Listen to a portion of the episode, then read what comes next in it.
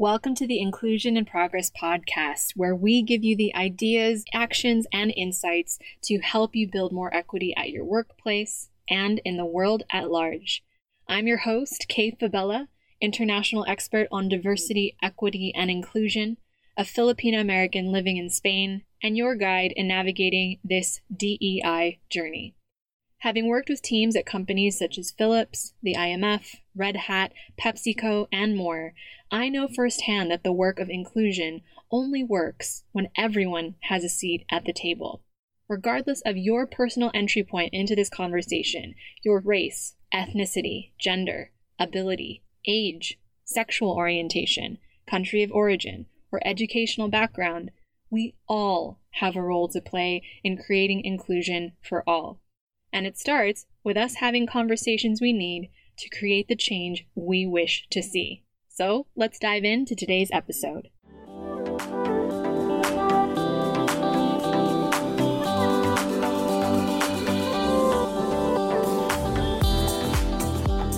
Hey there, and welcome back to Inclusion in Progress. And if you're listening to this episode in real time, a very happy new year to you and yours. Now, at the time this episode is coming out, it'll mark Team Kay's first official week back at work for 2021. And as I mentioned on previous episodes, as an American based in Spain, my holiday season starts at Thanksgiving, goes through to Christmas, and ends on January 6th, a holiday which my adopted country celebrates to honor Epiphany, or the arrival of the three wise men at Jesus' manger in Bethlehem. I'm grateful that we managed to celebrate the holidays with most of my husband's family here, observing social distancing rules, of course. Javi and I also quietly rang in the new year at a rented cabin in the mountains outside Madrid, complete with a fireplace, a blanket of fresh snow on the ground, and our brand new ukulele, which we're learning for the first time together. And while I'm sad that I couldn't be with family in California this past year. I'm glad that we gave each other the gift of much needed quality time, real meaningful relaxation, and time for reflection after the intense year that was 2020. And if you are a longtime listener and want to leave us a belated holiday present, Please take five minutes to leave us a review on iTunes for this show, Inclusion in Progress. The mission behind this is to empower as many allies and advocates for inclusion as possible around the world. And reviews like yours help boost our show in the algorithm so that we can reach even more people with these insights and conversations. Now, we've currently got an audience in 27 countries and counting. And if 2020 taught us anything, it's that we really do need all hands on deck leading these conversations and advocating for a more equitable future for all. Now, speaking of which, I want to take a moment to thank Hadi from the US, who wrote, I love DEI, and I can tell that Kay does too. This show brings together best of breed ideas and guests for important conversations. I've used a lot of what I've learned on this podcast to promote DEI at work. Kay is a great host who is clearly well versed on the topic. We really appreciate you taking the time to leave us a review, Hadi, and thank you for the incredible work that you're also doing for DEI at your company and in the broader community. Now, again, if you'd like to help us on our mission to empower thousands of allies and advocates for inclusion around the world, head over to iTunes and leave us a review even make sure to feature you on a future episode. Now, this week is a big one for Team K because we're launching a massive initiative for one of the largest client collaborations we've had to date. We're honored to keep doing DEI work this year and take our client partners from the why to the how. Now, let me explain what that means. For years, it felt like leadership teams were more concerned with the business case of diversity than actually signing off to get the implementation started. But 2020, with the coronavirus pandemic, the sudden mass shift to distributed teams and the consequences of the global anti racism movement. This all showed us that we don't need another white paper to convince companies of the need for diversity and inclusion. Instead, we need to be focusing on metrics for success that are tailored to the needs of our teams, our departments, or our entire organization. And honestly, it's about time.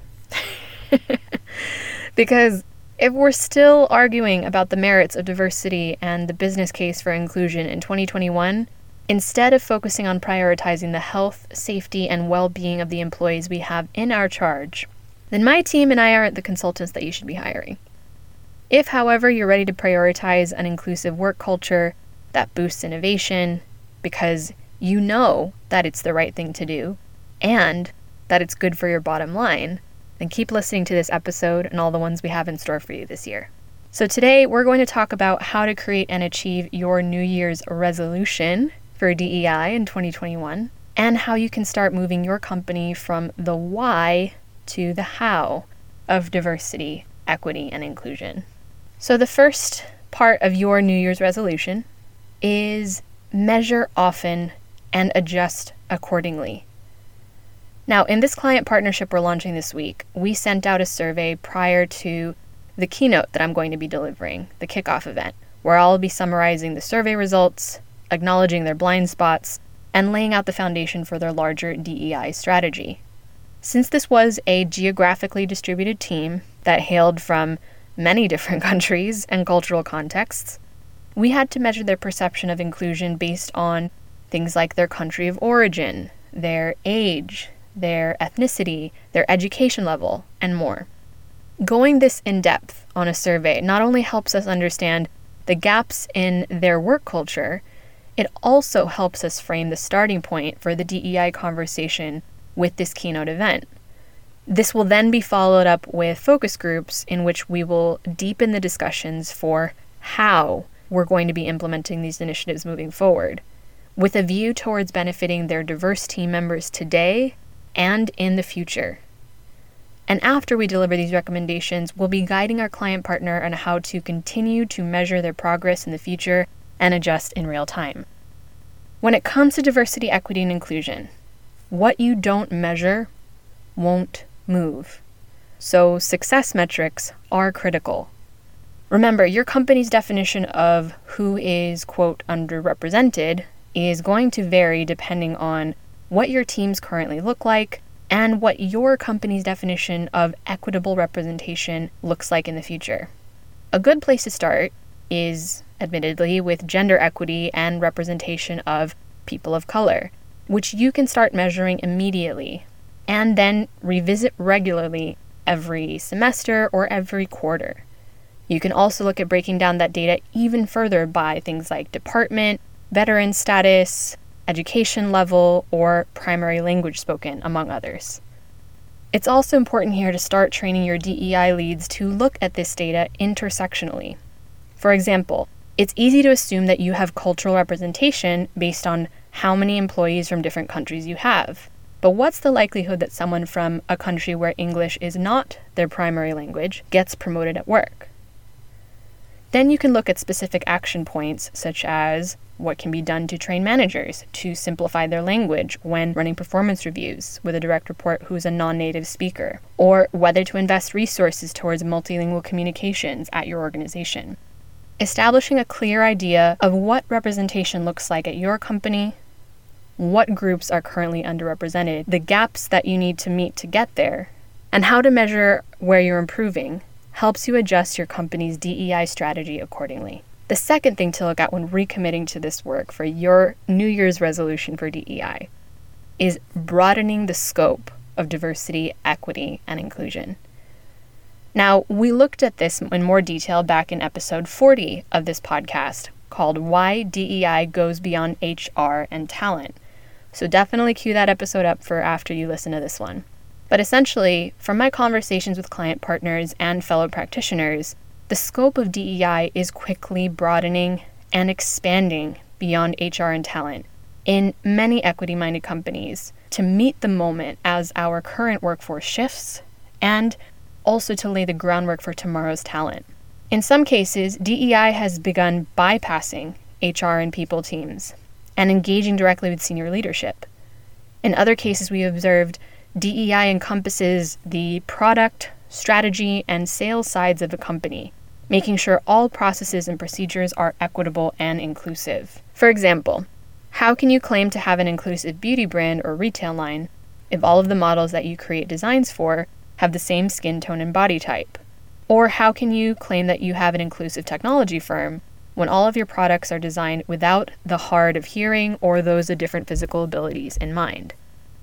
And this is where DEI can bypass and actually encompass more than just the HR, people, or talent functions of a company. In fact, a successful DEI initiative requires discomfort, encouraging vulnerability, the agility to pivot quickly when things aren't working, and an understanding that progress is a pendulum that doesn't always move in the direction that we'd like. In other words, a DEI team or initiative relies on the hardest part of innovation risk taking. And most of the departments that rely on compliance are often, we'll say, risk averse, which means that they can actually run counterintuitively to the culture shifting work of DEI teams. So if you haven't already realized this, the work of DEI requires more hands on deck than you currently have. I've yet to see a single company that has this all figured out. But the good news is that you can start broadening and deepening the scope of this work at your organization, starting with hiring the right people to lead your initiative, hiring the right people to help those people, or seeking outside help when you need it to start scaling your initiative meaningfully. And if you'd like support on how to launch a successful DEI initiative at your company, we're now offering a lunch and learn package on how to start, sustain, and scale DEI at your organization, no matter what your industry. Now, this lunch and learn is designed to help you firstly clearly identify where you are on your DEI journey as an organization. Because when you know where to start, you'll know what metrics you'll need to measure and what specific interventions and investments you'll need to make. There is no one size fits all solution here. This Lunch and Learn is also designed to help you quickly present the business case for DEI to convince your key stakeholders and share a company wide strategic plan. Because knowing what to measure and how to share that progress helps you establish trust and increase engagement with your employees. And finally, we'll also look at how to confidently move away from being reactive to proactive in your approach to DEI and tailor your metrics and strategy in a way that positions your company as an inclusion focused industry leader to successfully retain and recruit the best talent. Now, we only have one more spot for a lunch and learn in quarter one and two spots for quarter two, 2021. So, if you'd like to learn more about this lunch and learn and how it can be tailored to your DEI team or organization, head to the link in the show notes or go to kayfabella.com forward slash DEI dash call to book a no pressure consultation call with us. Now, half the battle with DEI is clarity, and it's my mission to help you not only achieve that clarity, but also accelerate buy in, momentum, and accountability at your organization to build more inclusion at work. And this Lunch and Learn distills all of our best practices from having worked with companies across over 17 industries to help you do just that. So, again, to book a Start to Scale DEI workshop with us before the end of Q1, head to the link in the show notes or go to kayfabella.com, K A Y, F as in Frank, A, V as in boy, E L L A.com, to book a call with us and we can walk you through how we can tailor the workshop for your needs. Lastly, for your New Year's resolution for DEI, remember to keep your eyes on the prize. Now, it's easy to get caught up in the reactive part of this work. Believe me, I know. On a given day, there are a million ways to witness the pain of systemic oppression, racism, homophobia, xenophobia, the legacy of colonialism, gender inequity, ableism, ageism, and more. I often say that it's hard not to have your heart pulled in a thousand directions as a DEI practitioner, as it takes a specific kind of resilience to get up every single day knowing that our work is never done. But that's not exactly a rousing speech of support for your key stakeholders, now is it? Yes, we need to be sad every time we witness blatant acts of white supremacy, like what we saw at the Capitol last week. And we need to remember that many of the people who instigated that violence are still our fellow colleagues, managers, and in some cases, even CEOs. And even if there were people who didn't physically participate or condone that violence, there are still many people in our workplaces, neighborhoods, and communities that aren't entirely against what happened either, which can sound terrifying. Now, this is not about coddling them or dancing around their feelings, but this is a reminder that hearts and minds aren't changed overnight. I'm a self proclaimed feminist, but I still exist in a world that just two generations ago didn't think I had the right to work or the right to vote. Change takes time. So rage, cry, feel, and rest all you want when things happen, either on your own or with people you trust.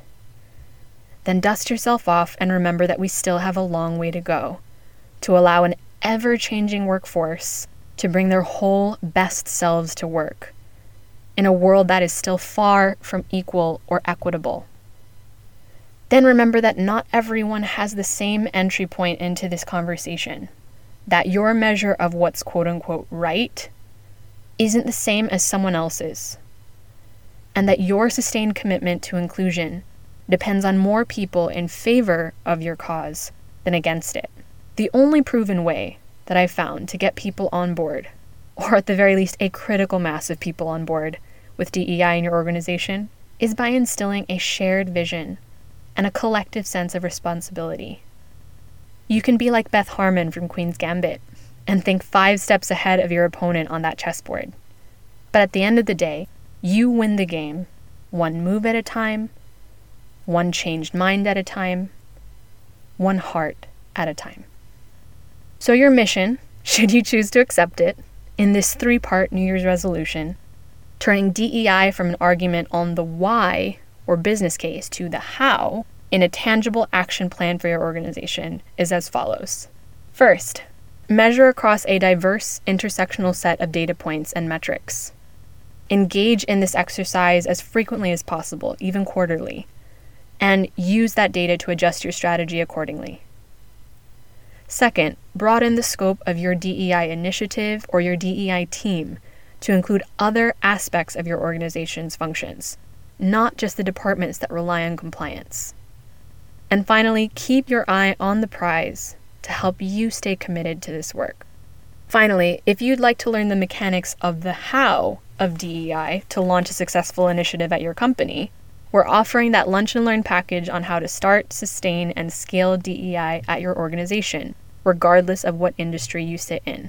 Again, this Lunch and Learn is designed to help you find first clarity on where you are in your DEI journey so you know where to start, what to measure, and what to invest in first. It'll also touch on how to quickly present the business case for DEI to convince your key stakeholders and establish a company wide strategic plan. And finally, confidently move away from being reactive to proactive in your DEI approach to tailor your overall strategy in a way that positions your company as an inclusion focused industry leader. Now, we have one more spot for a lunch and learn in Q1 and two spots available for Q2. So, if you'd like to learn more about how this LNL could be tailored to your organization, head to the link in the show notes or head to kayfabella.com to book a no pressure consultation call.